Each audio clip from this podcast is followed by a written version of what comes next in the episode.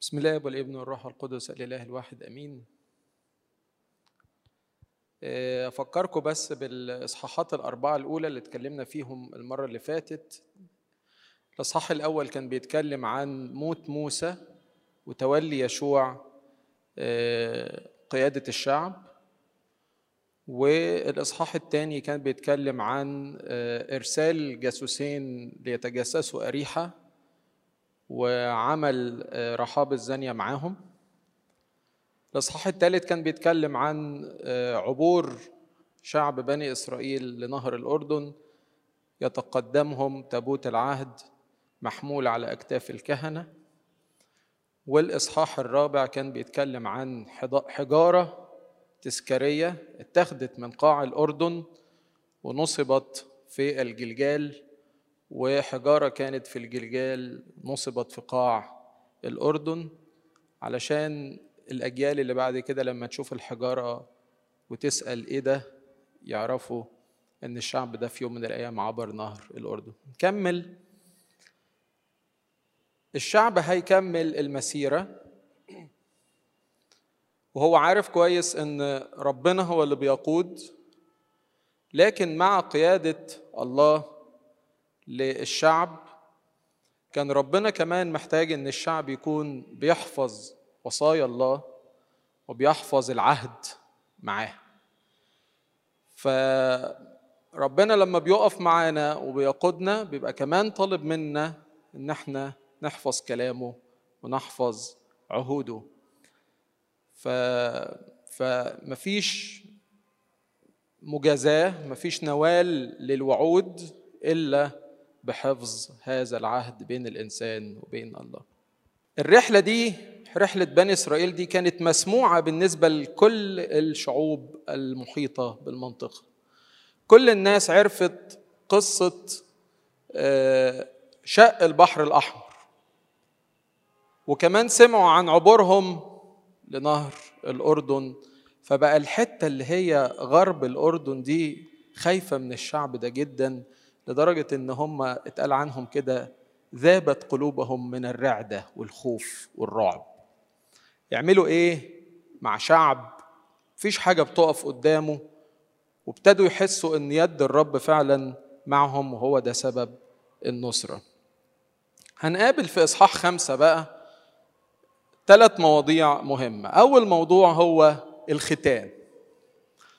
يقول كده سفر يشوع في ذلك الوقت قال الرب ليشوع اصنع لنفسك سكاكين من صوان وعد فاختن بني إسرائيل ثانية فصنع يشوع سكاكين من صوان وختن بني إسرائيل في طل القلف وقال الرب ليشوع اليوم قد دحرجت عنكم عار مصر فدعي اسم ذلك المكان الجلجال إلى هذا اليوم. بعد عبور الشعب نهر الأردن حل في مكان اسمه الجلجال وكان المفروض ينطلق من المكان ده علشان يحارب أريحة.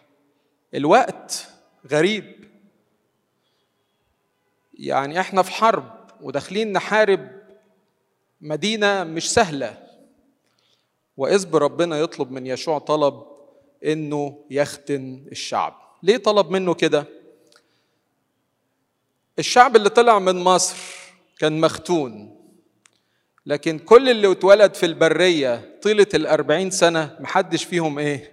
محدش فيهم اتختن فبعد عبور الأردن كان لا يمكن الدخول في حروب صعبة محتاجة قوة إلا إذا ختن الشعب اللي ما اتختنش من ساعة ما اتخرج من من ساعة ما خرج. يعني الناس ال- ال- اللي اتولدت في البرية دي كانت غير مختونة علشان كده ربنا أمر يشوع إن هو يختنهم. ليه يا رب الطلب ده في وقت زي ده؟ أنتوا عارفين الختان ده عملية مؤلمة محتاجة كمان شفاء. فأنت المفروض تحافظ على جنودك تحافظ على صحتهم. تديهم حاجة تقويهم مش تعمل لهم عملية ويبقوا محتاجين لإيه؟ لشفاء ولنقاهة. لكن كان لا يمكن التنازل عن ختان الشعب.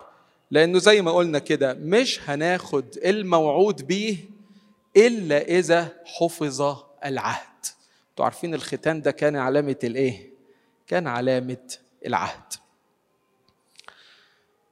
قديس هلاري بيتكلم عن موضوع ختان الشعب في الجلجال قبل الهجوم على أريحة ويقول كده كما أن واحدا يقصد به يشوع يعني نال وصية ليجدد الختان بسكين من حجر. كذلك الرب مقصود به الرب يسوع الذي هو الكلمة النافذة إلى مفرق النفس وحجر الزاوية سيبدأ بالختان الروحي. نلاقي أمر من ربنا ليشوع يقول له بقى هتختن الشعب ده إزاي؟ اصنع لك سكاكين من حجر. حتى الأدوات عنيفة وصعبة قاسية. طبعا ما فيش أنستيزيا ولا ولا تخدير ولا ولا حجرة عمليات الوضع. يعني الآلة قاسية والجو غريب جدا لكن ربنا يصر إن لازم الشعب يختتن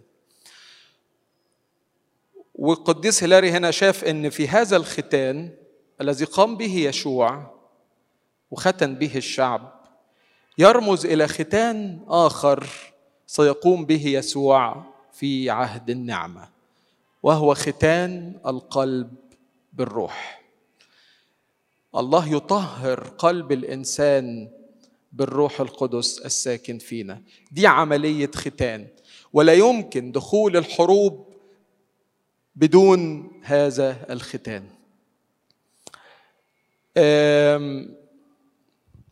إن قلنا إن عبور الأردن كان يرمز إلى المعمودية أيضا الختان يرمز إلى المعمودية بس الاتنين مع بعض يكملوا لنا الصورة. عبور الأردن كأنه بالظبط كده بيشاور على يوم معموديتنا في الكنيسة اليوم اللي اتعمدنا فيه. في اليوم ده إحنا نلنا موهبة إلهية تسكن فينا لكي ما تساعدنا في حربنا ضد أجناد الشر الروحية. أمال الختان ده كان بيرمز لإيه بقى؟ الختان ده بيرمز إلى المعمودية اللي إحنا عايزين نحافظ عليها طول حياتنا بعد كده. هي عملية خلع مستمر للإنسان العتيق. مش يوم معموديتنا بس ولكن ده جهاد مستمر على طول. فالجهاد اليومي بتاعنا ضد الخطية بيرمز إليه ختان يشوع للشعب في هذا اليوم. ختنوا بسكين من حجر. سكين يعني فيها إيه؟ ذبح. والذبح يشير إلى الصليب. والحجر يشير إلى المسيح لأنه دعي حجرا في في أماكن كتير من الإنجيل. حتى إنه كان اسمه حجر الزاوية. فسكين من حجر يعني صليب المسيح. وده الصليب اللي المفروض الإنسان المؤمن بيحمله كل يوم في جهاده الروحي.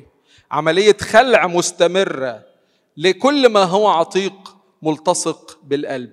يتخلع إزاي؟ بصليب يسوع المسيح بالسكين الذي من حجر الصوان. وبكده نبقى بنحيا موت المسيح كل يوم وبنجدد معموديتنا كل يوم. اسقف اسمه زينون قال عن ال عن ال عن هذا الختان بيقول إيه؟ يسوع ابن نون هو رمز للمسيح الذي عرف كمخلص الكل باسمه وعمله فهو كذلك حقا لأنه دعي حجرا وهو الذي شكل السكاكين الحجرية أي أناس تشكلوا بتعليمه من أجل الختان الروحي للبشرية. هنا بيفتح عينينا على حتة تانية. قال إن السكينة اللي من حجر دي بتشير لمين؟ بتشير للخدام الكارزين بكلمة الله. قال كده الذي شكل السكاكين الحجرية يعني يسوع هو اللي رسم أو اختار تلاميذ ورسل لكي ما يبشروا. طب البشارة دي غرضها إيه في الآخر؟ غرضها ختان القلب بالروح. إن الإنسان يوصل بالإيمان بهذا الكلام للمعمودية ويخلع الإنسان العتيق ويعيش حياة روحية فيها خلع مستمر لهذا العتيق.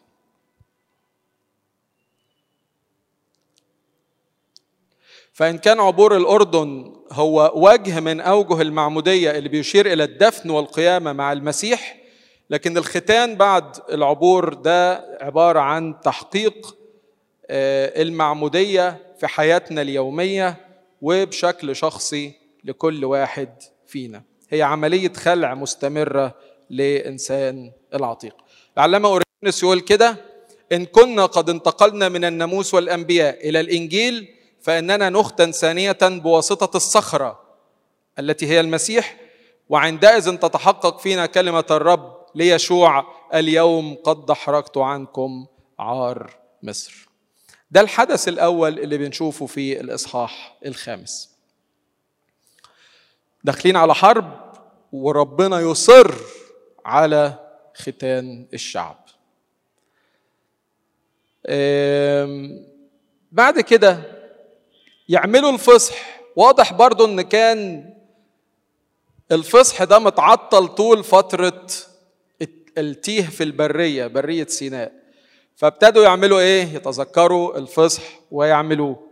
يقول كده فحل بنو إسرائيل في الجلجال وعملوا الفصح في اليوم الرابع عشر في الشهر مساء في عربات أريحة وأكلوا من غلة الأرض في الغد بعد الفصح فطيرا وفريكا.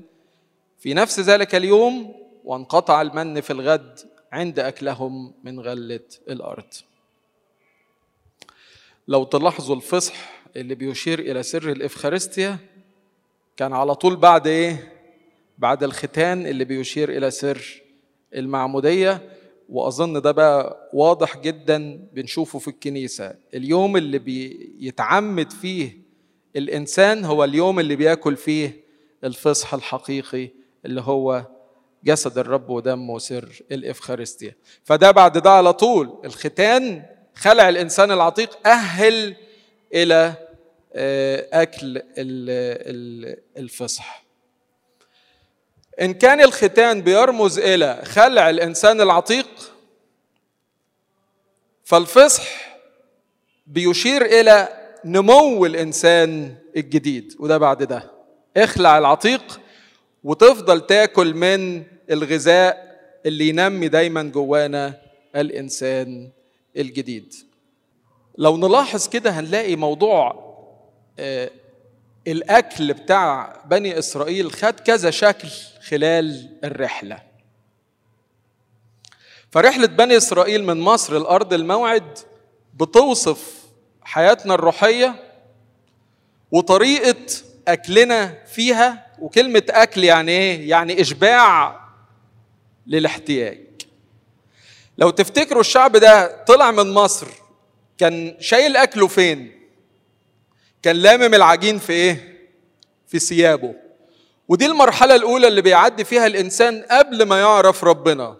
الأكل هو أقرب حاجة ليه هو اللي لازق في ثيابه على طول. يعني ما بيهتمش غير بحاجات الجسد وبس. مش بحاجتين. اشبع بطنك اشبع شهواتك. خلاص يبقى أنا كده خدت كل حاجة. ده الإنسان قبل ما يدخل في علاقة مع الله. لما ابتدى الشعب يمشي في البرية ابتدى ربنا بقى ما اعتمدوش على العجين الملتصق في ثيابهم أو اللي جامعينه في الثياب. لكن ربنا أرسل طعام من فين؟ من السماء المن. ومعلمنا بولس الرسول وصف المن بإنه طعاما روحيا. فالمن ده باعتباره أكل نازل من السماء كان غذاء للروح وفي نفس الوقت هو اللي عالهم في البرية. فضلوا ياكلوا منه طول السنين دي وكان أيضا لإعالة الجسد. وكأن الإنسان في بداية علاقته بالله آه يعني لسه بين البنين. مهتم بحبة آه اهتمامات جسدية لكن في نفس الوقت فيه اهتمامات روحية. عشان كده قيل عن المن إنهم أباءنا أكلوا المن في البرية وماتوا. يدخلوا بقى الأرض الجديدة يبتدوا ياكلوا إيه؟ يلاقوا إن الأرض اللي اعطاهم ربنا صار الكلمة هو خبز الحياة هو نفسه. مش بيدي أكل ده هو عطى نفسه إيه؟ يتاكل. وصار هو الغذاء لكل إنسان يريد أن يحيا إلى الأبد. دي بقى الأكلة اللي يأكل منها الإنسان إيه؟ لا يموت. عند هروبهم أخذوا العجين في ثيابهم. زي ما بيقول سفر الخروج حمل الشعب عجينهم في ثيابهم. في خلال الرحلة أرسل الله لهم المن من السماء وكان لحاجة الجسد والروح معا ولكنهم أكلوا منه وماتوا. مرحلة النمو بقى الله الكلمة نفسه يصير خبزا حيا والذي يأكل منه لا يموت. أبونا تدرس يعقوب بيقول عن المراحل الثلاثه دي العبارة الآتية. في المرحلة الأولى يأكل الإنسان ليعيش. وفي المرحلة الثانية لا يضطرب متكلا على الله الذي يقوته بكل طريقة. أما الثالثة ففيها يجد الإنسان فالله نفسه طعامه الأبدي المشبع.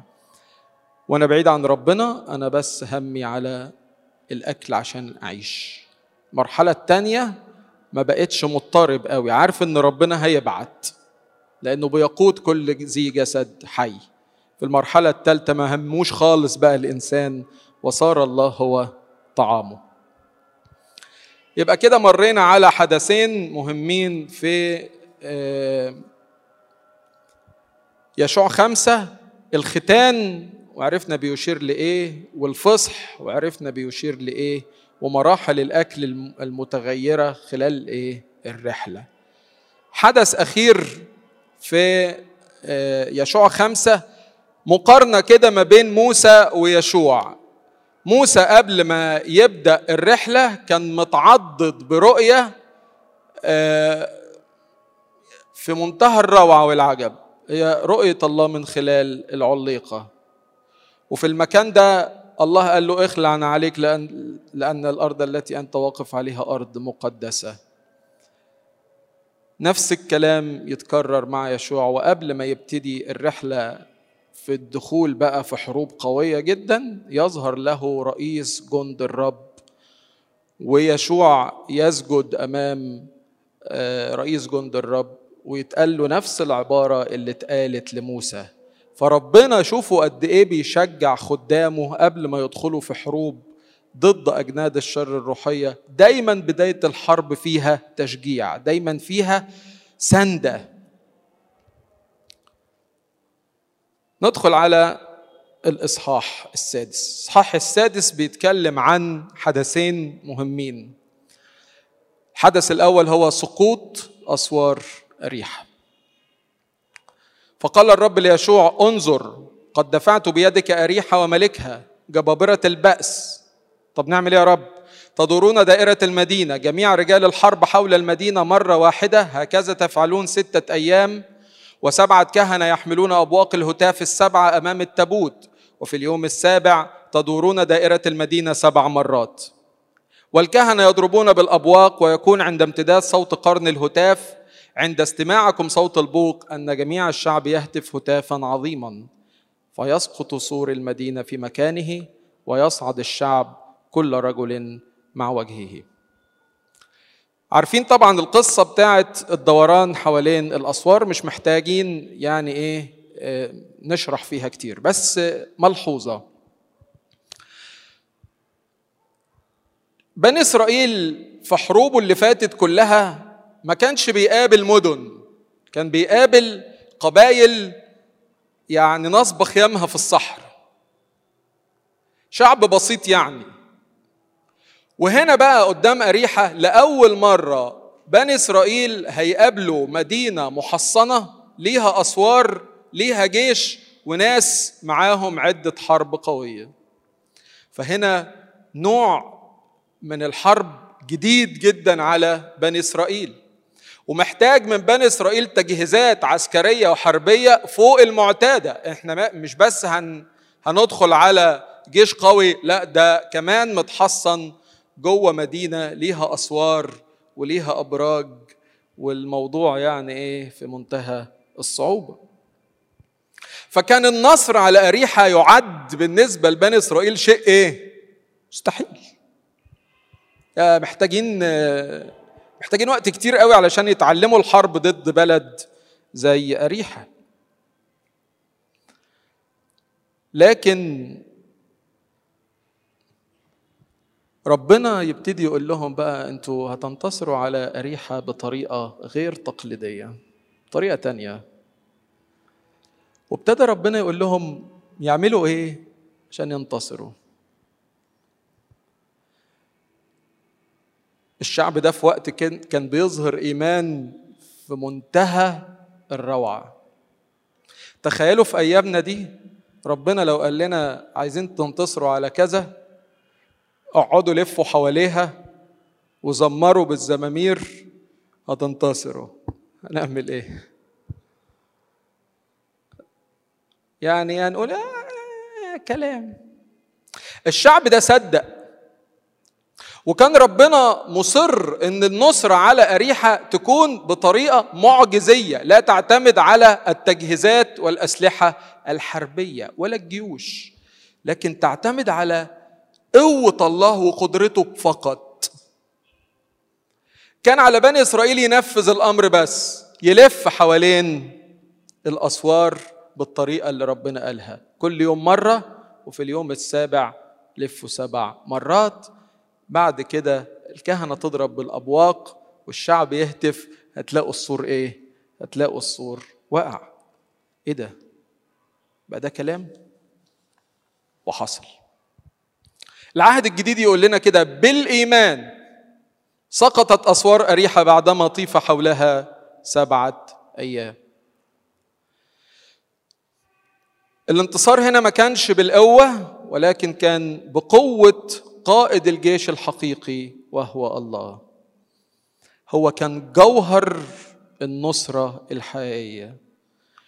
وكمان كان دور الشعب في هنا إنه يصدق إنه يثق في قدرة الله وينفذ الأمر.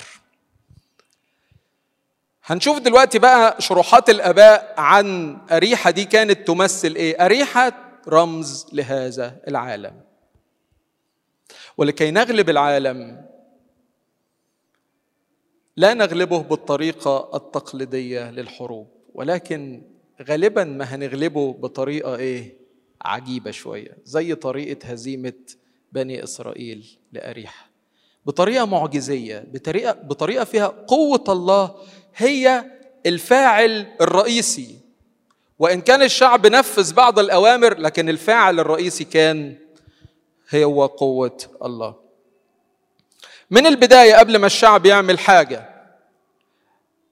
قال قال الله كده للشعب الله قد دفع إليك اريحه وملكها وكل جبابرة البأس. صدق.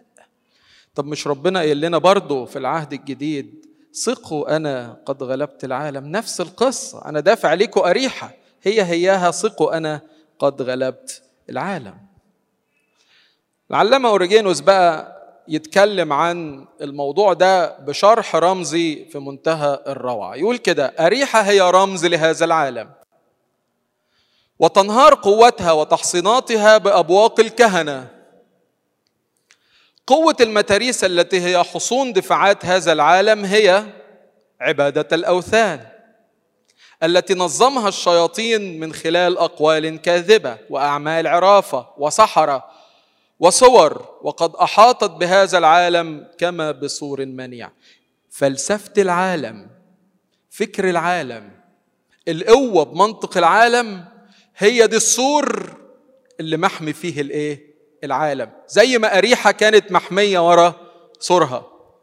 لكن ربنا يسوع المسيح الذي يرمز لمجيئه يشوع ابن نون عمل إيه؟ أرسل رسله وكهنته. وهم يحملون أبواق متناغمة أي كرازة عقيدته السامية السماوية. السور ده ينهار إزاي؟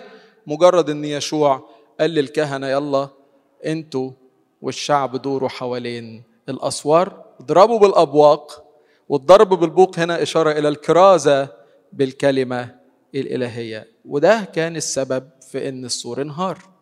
يكمل العلامة أوريجينوس ويقول أنا أنبهر كثيرا عندما أتعلم أن هذه القصة تحكي أن ليس الكهنة فقط هم الذين نفخوا في الأبواق ليهدموا أسوار أريحة. الدور هنا ما كانش الحد أعظم من حد كان كله إيه؟ كان كله مشترك مع بعض. إنما الشعب كله حسب النص أصدر صرخة عظيمة عند سماع الأبواق. يبقى الكهنة بتضرب بالبوق والشعب كمان بيهتف. وحسب مخطوطات أخرى هتفوا من البهجة. وأعتقد أن هذا الابتهاج هو علامة انسجام وتناغم. وإذا وجد هذا الاتحاد بين اثنين أو ثلاثة من تلاميذ المسيح فإن أباهم السماوي سيمنحهم ما يطلبونه في اسم المخلص. ابتدى يربط بقى ما بين اللي حصل وما بين كلام العهد الجديد. إن اجتمع اتنين أو ثلاثة باسمي بتناغم هيطلعوا هتاف بهجة والهتاف ده هيخليهم يوصلوا لإيه؟ للي طالبينه للي عايزينه. وإذ كان الابتهاج نتيجة أن الشعب كله بقلب وذهن واحد. على فكرة كل ده كلام العلامة أوريجينوس الاقتباس طويل شوية معلش. كمان ابتدى يربط بحاجات تاني. إن ما كتب في سفر أعمال الرسل سيتحقق.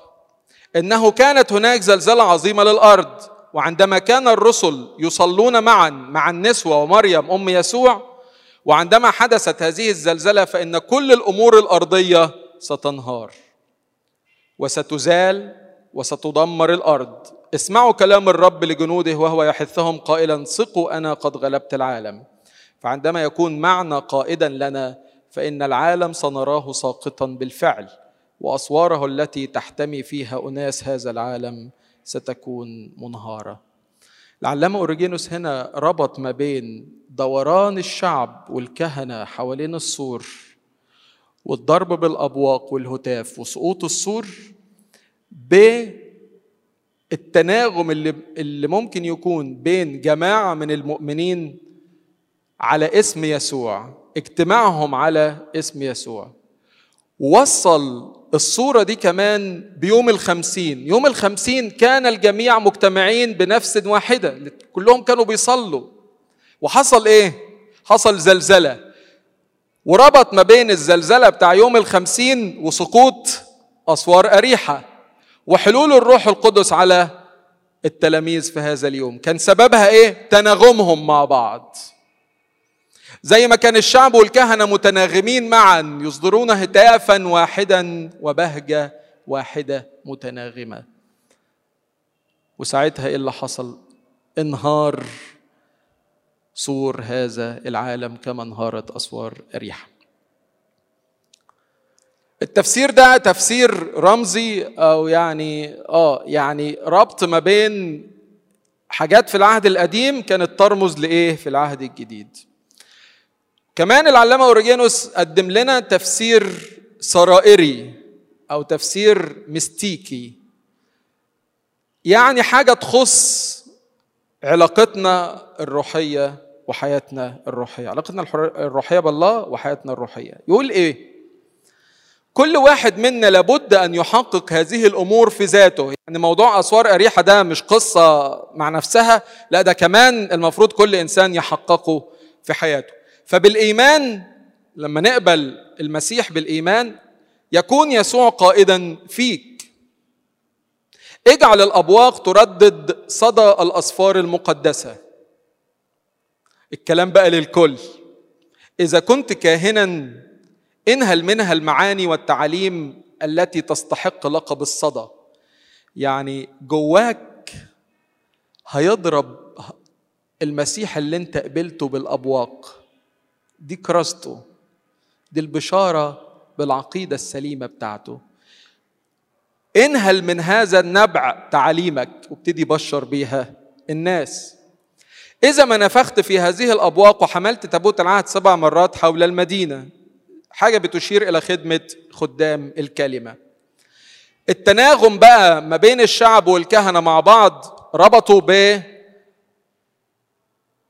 التناغم اللي ما بين أفكارك ورغباتك ومشاعرك وأحاسيسك. وقال إذا كان كل جموع أفكارك ورغباتك يعطي صوتا متناغما ويصدر هتافا مبهجا فذلك أن العالم داخلك مهزوم ومنهار. يعني لو بقيت اشتياقاتي مع أفكاري مع رغباتي كلها في اتجاه واحد كده بتناغم.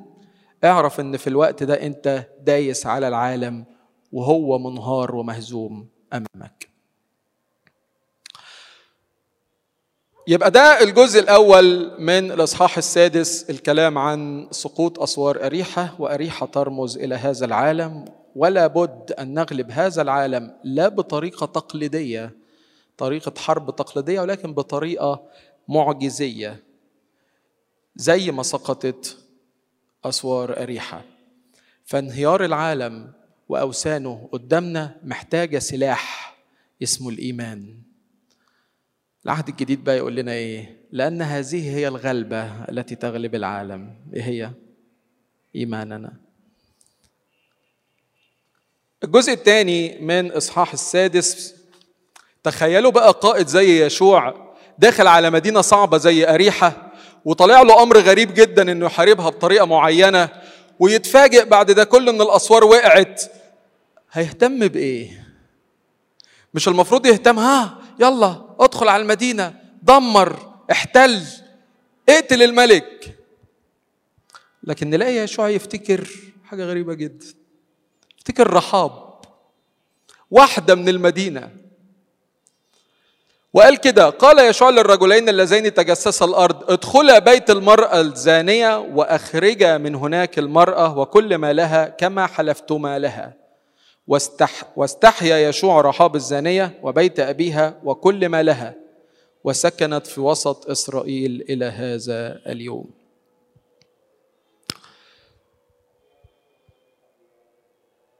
أنت بتعمل إيه يا يشوع؟ بتفتكر إيه؟ افتكر دي؟ كان ممكن يقول لنفسه معلش اليوم صعب وطويل. وعندنا شغل كتير. سيبك من واحدة زانية لكنه تذكر هذه الزانية. الإصحاح السادس بيورينا اهتمام الله بكل نفس وسط كل الأحداث اللي ممكن تشغلنا إحنا كبشر عن بعضينا البعض. هنختم الإصحاح ده بإن إحنا نجمل كده بقى الموضوع في إنه ده يفيدنا إيه روحيا؟ لو أنت فاكر إن حرب العالم محتاج أسلحة كتير مش هي اللي هتفيد. يوحنا ذهبي الفم يقول حاجة مكتوبة معاكم في الكتاب ومش موجودة هنا. يقول إن الأسلحة لا تفيد شيء لأن الجندي في الجيش إن لم تستنفر إرادته للحرب اولا لن يستطيع أن يستخدم السلاح جيدا إحنا متخيلين إن إحنا لو معانا سلاح آه كويس هنعرف نحارب كويس. لا ده الرغبة اللي طالعة من جوه إن أنا أحارب هي اللي تخليني أحارب كويس مش جودة السلاح. بيقول إذا كان ده في الأمور الحربية العادية فكم وكم في حربنا الروحية. صارت رحاب الزانية. مش بس خلصت من الهلاك ولكنها انضمت إلى عضوية بني إسرائيل. والعلامة أورجينوس يعلق على كده ويقول إنها زي غصن الزيتون البري اللي طعم في شجرة الزيتون اللذيذة. واخد طبعا التشبيه ده من معلمنا بولس الرسول في رسالة روميا. فرحاب مش بس نجت من الهلاك ولكنها صارت ضمن شعب الله لغاية اليوم اللي اتكتب فيه الكلام ده. وطبعا أكيد كملت كده لأن معلمنا بولس بيذكرها في العهد الجديد بأن رحاب الزانية بالإيمان يعني كملت في حياة الإيمان. مش بس كان خلاص من الهلاك لكن كمان تمتع بالميراث مع شعب إسرائيل. صح سبعة.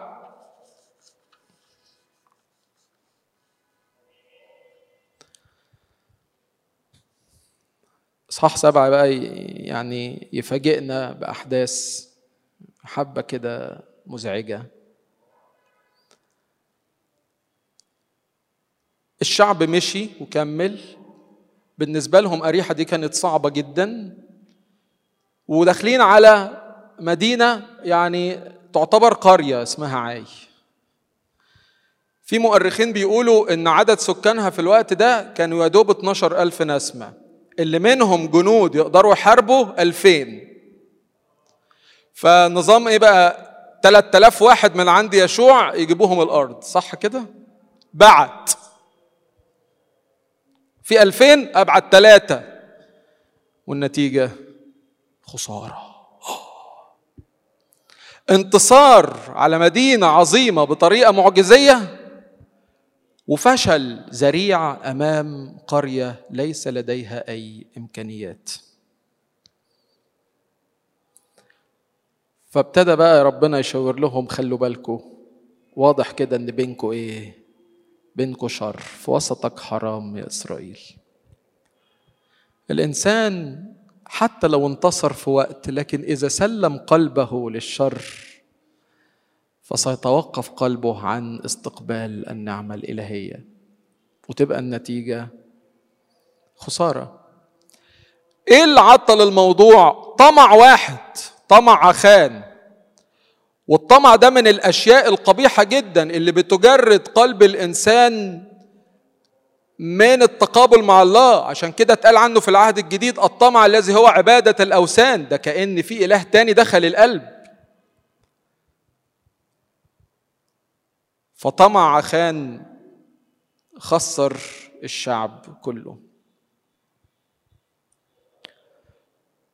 قديس يوحنا ذهبي الفم يقول عن خيانة عخان من تجرد من هذه المعونة الإلهية فإنه حتى وإن كان محاطا بكل غنى المسكونة فهو أفقر من الجميع. كما أن الأفقر من الجميع إذا كان يحظى بعطف الله ومعونته يصبح أغنى من الجميع لأنه يقول الرب راعي فلا يعوزني شيء يشوع عرف اللي خان وزي ما مش عارف الصورة دي واضحة ولا لأ ده بيرجموا عخان مع إيه؟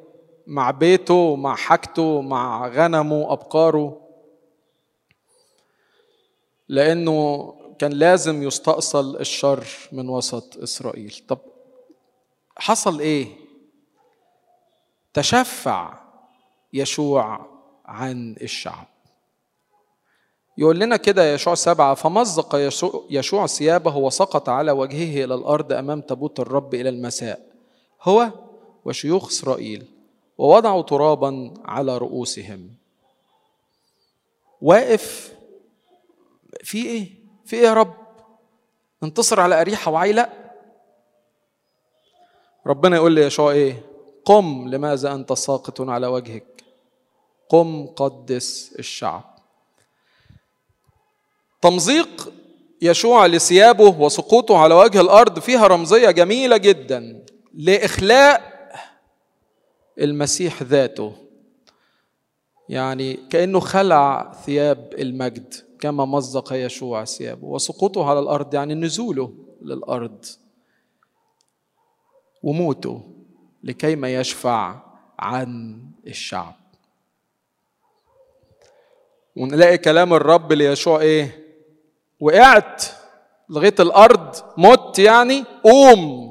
وقالها له مرتين قم لماذا أنت ساقط؟ قم قدس الشعب. وكأن تقديس الشعب كان لا يمكن أن يحدث إلا بالقيامة من بين الأموات. ونلاقي مبدأ كده بقى زي ما بواحد الغضب حل على الكل فبإطاعة الواحد كمان التقديس بقى للكل. زي ما حل الغضب على الكل بسبب خطية عخان بسبب شفاعة يشوع رفع الغضب من على الشعب. رجم يشوع مع كل بيته كان إدانة للخطية في شخص عخان ابن كرمي. ما سابش منهم حاجة بالحاجة اللي هو سرقها كمان. ده تطبيقه العملي إيه؟ لو تخيلنا إن إسرائيل شعب إسرائيل كله على بعضه جسد. وكل شخص من هذا الشعب هو عضو في هذا الجسد. العضو اللي يغلط ويدخل غضب على الجسد كله المفروض يحصل له إيه؟ يقطع. ده كلام العهد الجديد بقى. إن اعثرتك عينك فاقلعها. فخير لك أن يهلك أحد اعضائك ولا يلقى جسدك كله في النار. وأن أعثرتك يدك اليمنى فاقطعها. ونفس إيه؟ المبدأ. فعضو كان ممكن يبهدل الجماعة كلها. إدانة آسف رجن عخان ابن كرمي كان إدانة للخطية في شخص عخان. والعضو الخاطي يقطع لكي ما يخلص الجسد كله. يبقى يشوع سبعة بيكلمنا عن الهزيمة أمام عاي بسبب خيانة عخان ابن كرمي. ندخل بقى على تقدس الشعب بشفاعة يشوع وبإدانة الخطية أي برجم عخان. ويبتدي يكمل الشعب بقى علشان ينتصر على عاي. عمل إيه؟ هيبتدي يحارب شوية بس الخطة يعني ربنا قال لهم خلاص يلا ابتدوا. أنا دفعت لكم عاي وملكها زي ما دفعت لكم أريحة وملكها وعمل لهم خطة يحاربوا بيها. عاي دي كانت مدينة في وادي فربنا قال لهم إيه؟ اقسموا الشعب فريقين. خلي 30 ألف واحد يبقوا ورا المدينة. باقي الشعب يهاجم عاي منين؟ من قدام. المشهد ده حصل قبل كده انهم هاجموا عاي عاي راح اطلع عليهم هربوا منهم. في المرة الثانية هاجموا عاي من الأمام قالوا بقى إحنا إيه يجوا يطلعوا يهجموا علينا نروح إحنا كمان إيه هربانين. وبالطريقة دي إحنا بنسحب الشعب بتاع عاي لبره.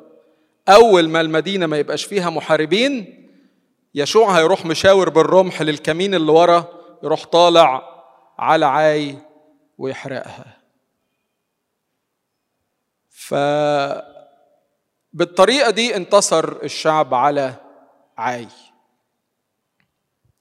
أبونا تدرس يعقوب بيقول إن طريقة الانتصار على عاي دي تحمل في طياتها صورة رمزية لحياة الجهاد الروحي التي يحياها المؤمن. إزاي؟ يقول كل إنسان روحي يخوض حربا ضد الخطية والشيطان ويستخدم في حربه هذه نوعين من الممارسات. ممارسات ظاهرية ودي اللي بيشير إليها الناس اللي هجمت على عاي من قدام. إيه الممارسات الظاهرية في حياتنا الروحية؟ الأصوام العامة الصلوات الليتورجية عمل العطاء اللي ممكن يكون قدام الناس عمل أي رحمة قدام الناس. دي ممارسات روحية ظاهرة بيرمز ليها الفريق اللي هجم على عاي من قدام. ويرمز إليها الفريق الأول الذي هاجم عاي علانيه وأيضا في في حربنا الروحية لنا ممارسات سرية داخلية في إنساننا الباطن.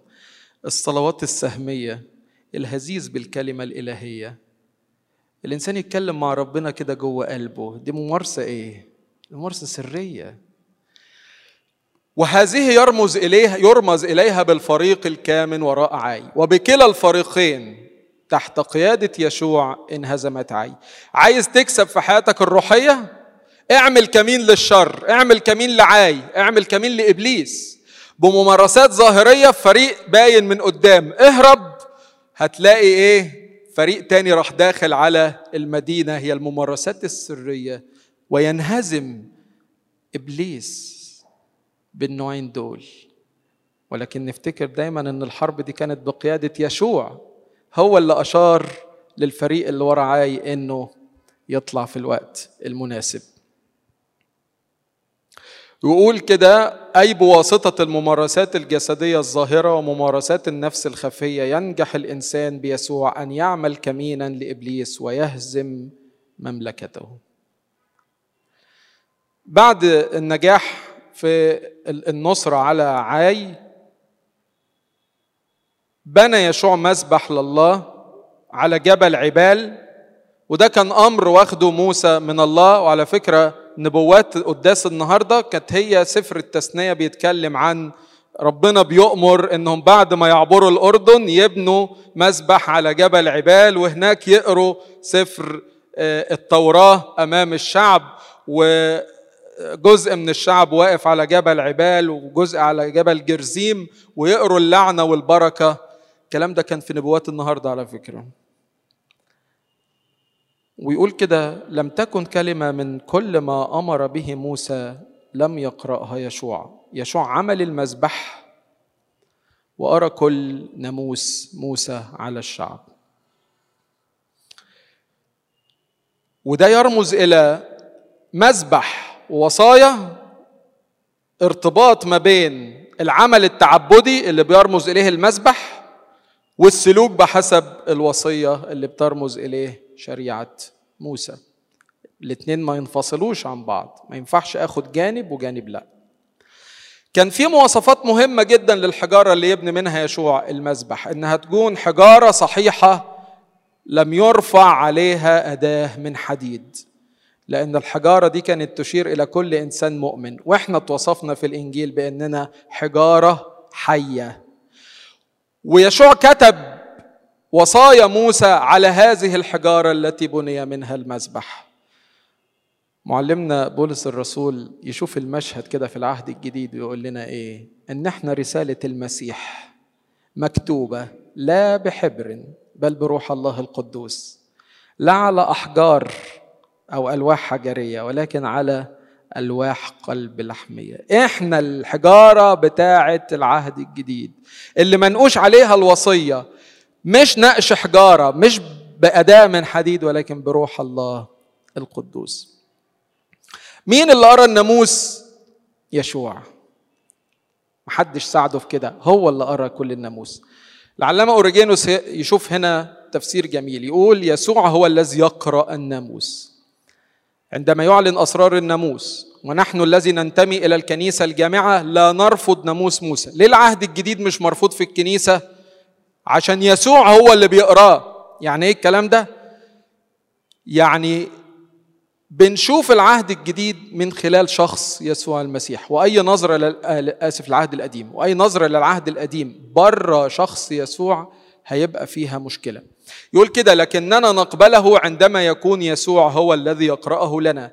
لأنه إذا قرأ يسوع الناموس وفقط بهذه الحكمة أي من خلال قراءته فإننا نفهم دلالاته الروحية. وفي هذه الحالة نفهم الناموس بشكل صحيح. يعني مش هنعرف الدلالات الروحية اللي في العهد القديم إلا إذا شفناها من خلال يسوع المسيح وعمله. ألا تظن أنهم استوعبوا المعنى هؤلاء الذين يمكنهم أن يقولوا ألم يكن قلبنا ملتهبا فينا حين فتح معنى الكتب مبتدئا من موسى والأنبياء شارحا لنا إياها كلها مبينا أنها كتبت عنه؟ مين اللي قال الكلام ده؟ قلبنا ملتهب فينا لما ابتدى يشرح. ربط العلامة أورجينوس ما بين قراءة يشوع للناموس على الشعب بعد النصر على عاي بتفسير يسوع كل ما ورد عنه في الناموس والمزامير والأنبياء لتلميذي عمواس. فشافوا أحداث العهد الجديد من خلال العهد القديم. طبعا ارتباط النص بالمسيح واضح جدا أسوار أريحة ما سقطتش بطريقة عادية لكن بأفكار بطريقة معجزية. والقائد كان يشوع الذي يرمز إلى يسوع في قيادته لينا وإحنا بنحارب العالم. وزي ما يشوع أرسل كهنة وناس تضرب بالأبواق وتهتف هكذا يسوع في العهد الجديد أرسل آه، تلاميذ ورسل يبشروا بقوة الكلمة. وبقوة الكلمة سقطت الأسوار. نتيجة كلام يشوع خمسة عن الختان. هنلاقي يعني سر المعمودية هنا بيبان كسر دخول في عضوية الكنيسة. ما كانش ينفع يكملوا حرب إلا بالختان. ضرورة سر المعمودية لكي ما ننال الميراث ويبقى عندنا قدرة إن إحنا نكمل الحرب. في يشوع ستة رحاب اللي كانت غريبة الجنس تصير واحدة من شعب الله. هذا أيضا إشارة إلى عمل المعمودية. المعمودية هي اللي بتهيئنا للحرب المعمودية هي اللي بتضمنا إلى آه، عضوية الشعب شعب الله. أبونا متى المسكين في كتاب المعمودية يقول كده المعمودية هي الدعوة الإلهية الرسمية للوليمة العظمى ولبس ثياب العرس للدخول إلى فصح المسيح ليتغذى الإنسان لأول مرة من طعام الحق. ده بيشاور بشكل كبير جدا على أن بعد الختان كلوا من الفصح وبعد كده كلوا من غلة الأرض الجديدة وانقطع المن بتاع العهد القديم. آه، ويقول لنا تاني برضو أبونا متى في نفس الكتاب المعمودية هي علامة وختم تطعيمنا في جسد المسيح واتحادنا فيه لمغفرة الخطايا. وتجديد الخلقة بالميلاد الثاني ونوال التبني للحياة الأبدية. الارتباط اللي ترجي آخر حاجة هنلاقي زي ما قلت لكم المرة اللي فاتت خمس إصحاحات كاملة من قراءات من نبوات يوم الخميس من الأسبوع الثاني في الصوم المقدس جاية من سفر يشوع من إصحاح اثنين لغاية إصحاح آه، ستة. إصحاح سبعة جاي في نبوات يوم الثلاث من الأسبوع الثالث من الصوم المقدس وده هنا بي بي بيعرض علينا خيانة عخان ابن قرمي لأن اليوم ده كله بيتكلم عن إن لازم نقدم توبة نقية. فنقاوة التوبة لا تتمشى مع قلب مليان بالطمع آه، زي قلب عخان لإلهنا كل مجد وكرامة من الآن وإلى الأبد. آمين.